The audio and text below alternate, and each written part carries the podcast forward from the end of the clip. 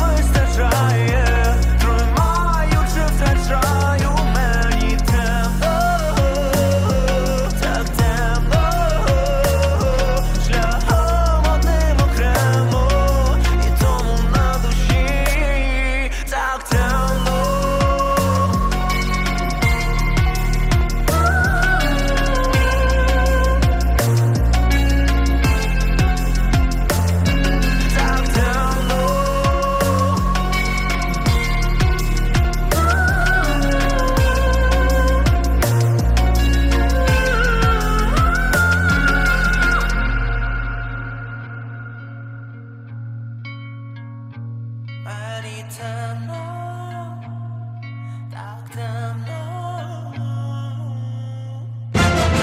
Nowiny. Новини з України 25 жовтня в Україні пройшли місцеві вибори. Явка виборців становила 36,88%. Вони пройшли за пропорційною системою з відкритими списками у Києві, Севастополі та на тимчасово окупованих територіях Донецької та Луганської областей. Голосування не організовувалось. Що цікаво, президент Вроцлава Яцек Сутрик у дописі на Фейсбуці висловив підтримку для чинного мера Львова Андрія Садового, який, згідно даних екзитполу, став лідером в першому турі виборів. Донецький шахтар здобув виїзну перемогу у матчі з мадридським реалом з рахунком 3 до 2. Перемогу шахтаря вважають доволі неочікуваною, оскільки через спалах COVID-19 у команді гірників вони приїхали на матч не в найсильнішому складі. Відомо, що в складі шахтаря на поле вийшло одразу 8 гравців віком 23 роки або молодше. Новини з регіону на початку 2020 року у Ваубжиху свою діяльність розпочало товариство Ваубжих Україна, яке має на меті створити для українців, що проживають в місті, платформу для спільної інтеграції та взаємопідтримки. Виставки, концерти, польський розмовний клуб та благодійні акції це тільки частина діяльності товариств. Про ідею його створення, потреби та плани далі в передачі розповість віце-голова товариства Алла Ковальчук. Про ковід в Понеділок, 26 жовтня, в Польщі зафіксовано рекордну кількість випадків зараження коронавірусом 16 тисяч 300 осіб. Найбільша кількість заражених зареєстровано в Мазовецькому та Малопольському воєводствах. Від суботи, 24 жовтня, вся Польща потрапила в червону зону. Оголошено також ряд нових обмежень. Між іншим, заборона зустрічатись в групах більше п'яти людей. На два тижні зачинено заклади громадського харчування. Навчальні заклади, крім першого по третій клас початкової школи, переходять на дистанційне навчання. Впроваджено також е, ліміт осіб в крамницях та культурних установах. А в нашій рубриці карантині новини час на позитивну інформацію. Професор Вроцлавського університету Мартін Дронг спільно з вченими з Польщі, Німеччини та Бельгії виявив хімічну сполуку, що знешкоджують вірус SARS-CoV-2 в інфікованих клітинах людини. Відкрита хімічна сполука це інгібітор, тобто речовина здатна зупинити дію протази МПРО-ферменту, який виробляється у людській клітині в результаті дії коронавірусу. Це черговий крок команди Вроцлавського вченого в боротьбі з пандемією. За словами професора, незабаром розпочнуться клінічні дослідження цієї сполуки. Всесвітня організація охорони здоров'я оголосила про зниження кількості заражених на коронавірус. Поки що рано говорити про глобальну тенденцію, зазначають у ВОЗ, проте є ймовірність, що статистика захворюваності у світі може піти на спад. Всього з початку пандемії в світі було зафіксовано 42 мільйони випадків зараження. Однак, на думку експертів, на коронавірус ймовірно перехворіли значно більше людей, оскільки в статистиці не враховуються випадки, коли хвороби переносяться в легкій формі. Про важливе число іноземців, зареєстрованих у закладі соціального страхування Польщі ЗУС на кінець вересня 2020 року склало 689 тисяч, що на 31 тисячу більше ніж у серпні. У ЗУС повідомили, що від березня число застрахованих іноземців зменшилось на 10%, але потім почало збільшуватись після відкриття у червні польського кордону. У Польщі вже п'ятий день тривають протести проти посилення заборони абортів. Їх причиною стало рішення Конституційного суду, який 22 жовтня визнав, що переривання вагітності, навіть коли у плода виявили невиліковну хворобу, є неконституційним. Учасники та учасниці чорного протесту десятками тисяч виходять на вулиці польських міст та містечок, несуть свічки та таблички з написами тортури, пекло жінок та Я хочу зробити аборт уряду. Вони заявляють, що наслідками такого рішення Конституційного суду стане подальше наростання в Польщі абортного підпілля, а жертвами нелегальних абортів можуть стати тисячі жінок. А в рамках музичної паузи в солідарності з протестами в Польщі пролунає пісня Вставай гурту Океан Ельзи, що стала символом революції гідності в 2014 році в Україні. Wstawaj, pij czaj z молоком,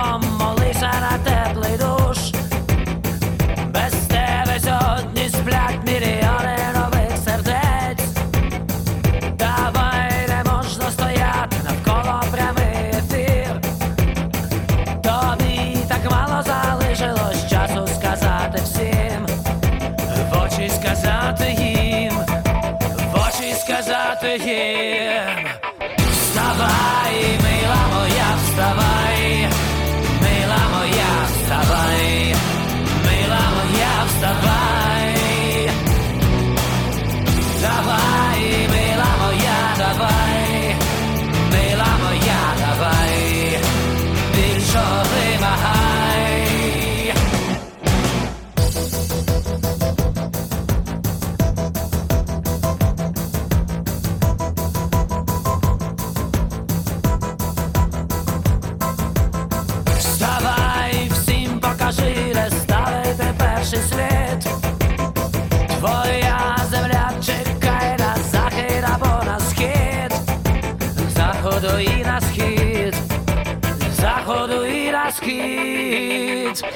Вставай,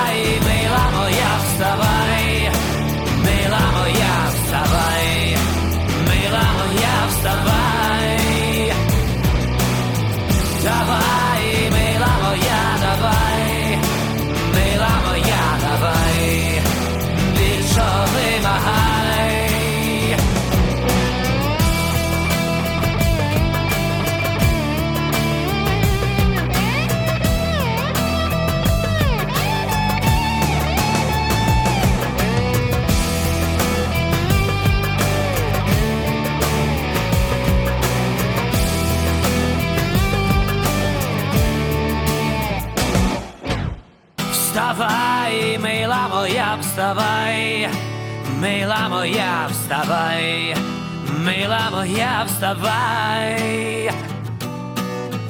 Давай, мила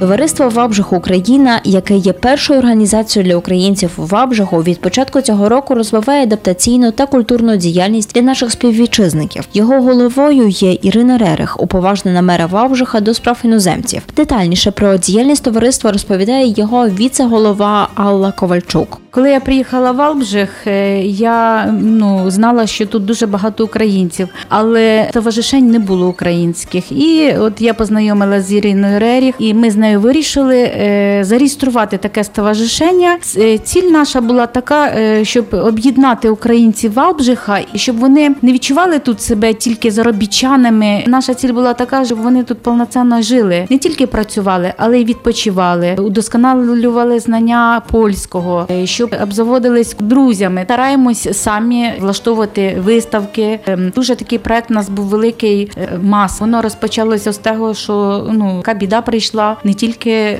Іриною так розмовляли, і я кажу, що слухай, багато українців, багато керовців тут у нас працює на е, автобусах. Кажу, може сядемо, будемо шити. Кажу, у мене є машинка. Щось трохи будемо для своїх, хоча б шити, бо е, ми на той час не думали, що то будуть такі великі в нас масштаби. Е, Валбжишани відізвалися на раз. Получився такий прям цех, навіть не міні-цех, а е, натуральний цех. У нас було 6 чи 7 машин. У нас був українець, який їх лагодив, настраював. У нас були закройщики, дівчата. У нас були е, люди, які утюжили.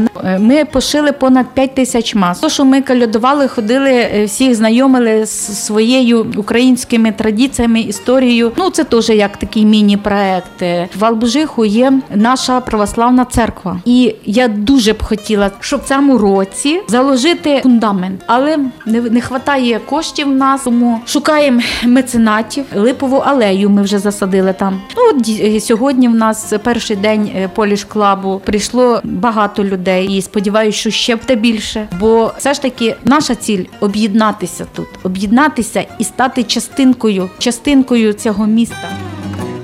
Сьогодні у рубриці особистості ми познайомимось із засновницею однієї з найбільших Фейсбук-спільнот українців у Вроцлаві всі свої Вроцлав, що нараховують 33 тисячі учасників Любов'ю Міщук та адміністратором спільноти Олександром Бондаром. Е, Приїхали ми 6 років тому. Е, Так склалося, що наших було дуже мало людей, і мало було е, сімейних людей, хто мав діточок. І так прийшла така ідея. Я створила групу. І туди запросила тих, кого знаю, по-перше, і все пішло. Ідея була така, щоб ми е, змогли знайти один одного, акцент на сім'ї, щоб ми могли знайомитись, е, зустрічатись десь на пікниках. Е, Люди якось по сарафанному радіо знаходились і хотіли додатись до цієї групи. Мені було важко, бо я не була готова навіть до двох тисяч чоловік в цій групі. І потім до мене попросту так якась така мисль дійшла, що а чим ті люди, котрі приїхали пізніше, гірше ніж ті, котрі приїхали рік тому. Так воно пішло, пішло, пішло. Ця відкритість пішла далі, і вже нас десь 33 тисячі. Додаємо до групи тільки тих, хто відповів на питання, у кого є якісь там е, фотографії з Вроцлава. В нас нема такої такої цілі, щоб ми зробили, наприклад, там 132 тисячі лю- людей, щоб було в цій групі. Ні, хочеться, щоб ця аудиторія була максимально наша, максимально вроцлавська. Е, Привіт, мене звати Олександр. Е, Ми з дружиною приїхали до Вроцлава 5 років тому. І, власне, був е, гострий дефіцит інформації, гострий дефіцит спілкування зі своїми на спільні теми. І коли мені вдалося знайти групу всі свої, ну це як відкрилася мека кладець інформації. Група дуже багато допомогла власне в інтеграції, в отриманні потрібної інформації, в якихось порадах. Коли там група дійшла до свого там якогось розвитку, то було вже десь е, біля трьох тисяч людей. Постала потреба в е, допомозі в модерації. Я долучився до команди адміністрування цієї групи. Ми намагаємося бути однаково прихильними для всіх, але не кожен відбирає власне так, як ми цього прагнемо Ми готові допомагати багатьом люде, людям і багато якісь фундацій, проєктів. Якщо вони до нас самі напишуть, гроші то останнє, що нас інтересує в групі. І звісно, ми допомагаємо благодійно. То ми допомагаємо, робимо аукціони, якісь збірки робимо. То так як доповнення до нашої місії, бо місія була в першу чергу допомагати один одному, і воно само пішло, бо була така потреба. Спільнота, так само як і товариство, допомагає будувати мережі знайомих у новому світі, що опинився в епідемії. Людські стосунки це єдина річ, яка тримає цей світ, каже співачка Христина Соловей. Про найсильніші та найщиріші обійми закоханих дівчат, як у Коалли. Христина Соловей заспівала у новій композиції Коала. Досить ритися в попелі, перебирати своє минуле, мені не вистачає, як ти любив мої шорти, а я твій старий піджак. Знають приховані фото, знають про нас. Я тебе обіймала,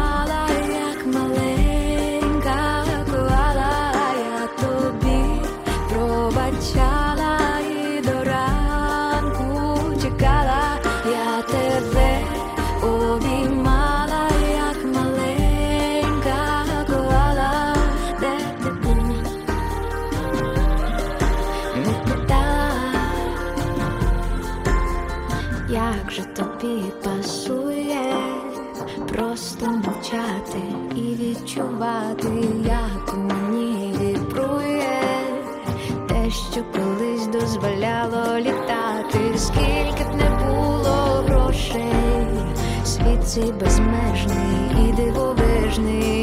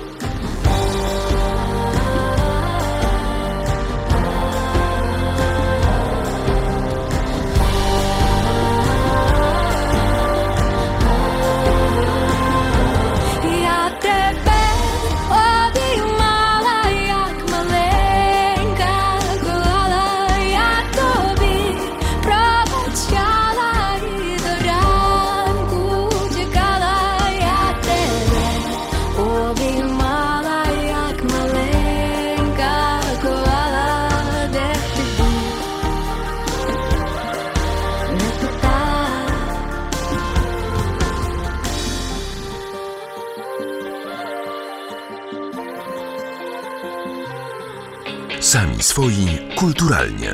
Tryszki Сьогодні у рубриці Культурні новини ми завітаємо до 12-ї філії міської публічної бібліотеки у Вроцлаві, що знаходиться у приміщенні головного залізничого вокзалу. Крім вигідної локації та гарної архітектури, бібліотека може похвалитись унікальним книгозбіром українською мовою, який складається з понад 400 книг для дорослих, юнацтва і дітей. Про бібліотеку, а також про спеціальну фейсбук-сторінку Bookstation.ua розповість представниця бібліотеки Марія Цінцо. Е, Ми маємо великий книгозбір польською мовою.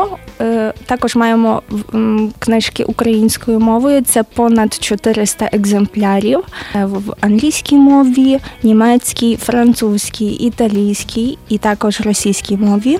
Е, Також в нас є велика колекція манги. У 2017 році ми відкрили філію 12 на головному вокзалі. Проводилась збірка українських книжок для бібліотеки. Між іншим, е, нам подарили книжки з Львівської обласної бібліотеки для дітей. Також нам е, інколи приносять наші читачі книжки українською мовою в дарі. Фондація Україна для нас. Теж збирала книжки. На жаль, ми не можемо ем, організувати зустрічі з авторами на даний момент, але є плани на майбутнє, звичайно же. Зараз ми ведемо е, групу Bookstation UA на Фейсбуку, в якій рекомендуємо українських авторів. Е, звичайно, ці книжки є доступні в нашій бібліотеці. Ми також хочемо розповідати про польських авторів, е, аби люди, які приїжджають до Вроцлава з України, могли більш ем, детальніше пізнати польську культуру. Нашою метою є, аби люди е, почували себе впевнено в польському суспільстві. Тому запрошую до подобання цієї групи. До нас приходять різні відвідувачі, і дорослі, і діти. Записатися до бібліотеки може кожен для українців або громадян з-поза Польщі. Потрібно е, прийти з паспортом або документом е, з фотографією, і можна записатися до бібліотеки. Кожен може до нас приїхати, кожен може нас відвідати. Запрошуємо до Вроцлава. Вроцлав це місце зустрічей.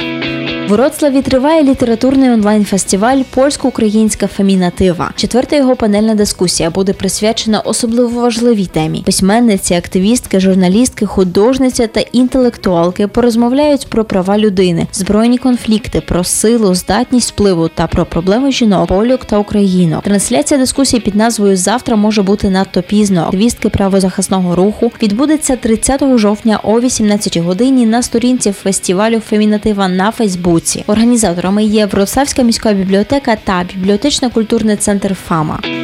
Газета Вроцлавська проводить конкурс, у якому читачі визначать 10 найбільш впливових жінок нижньої Сілезії. Кандидатками є політики, спортсменки, науковці, письменниці, журналістки і підприємці.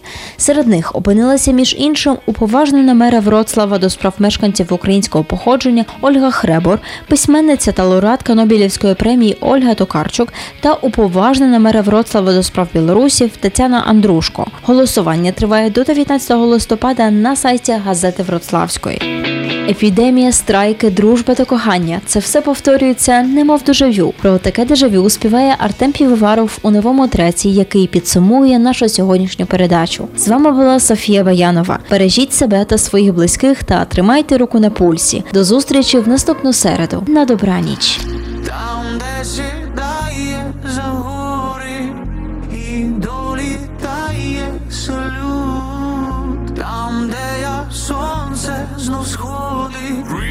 Freedom, моя доля, лунає голос на сході, на захід і вдалині, там, де ми місяць заходить, Freedom, світло в тобі, хвилями, хвилями, як течія, магія ранку і кожного дня,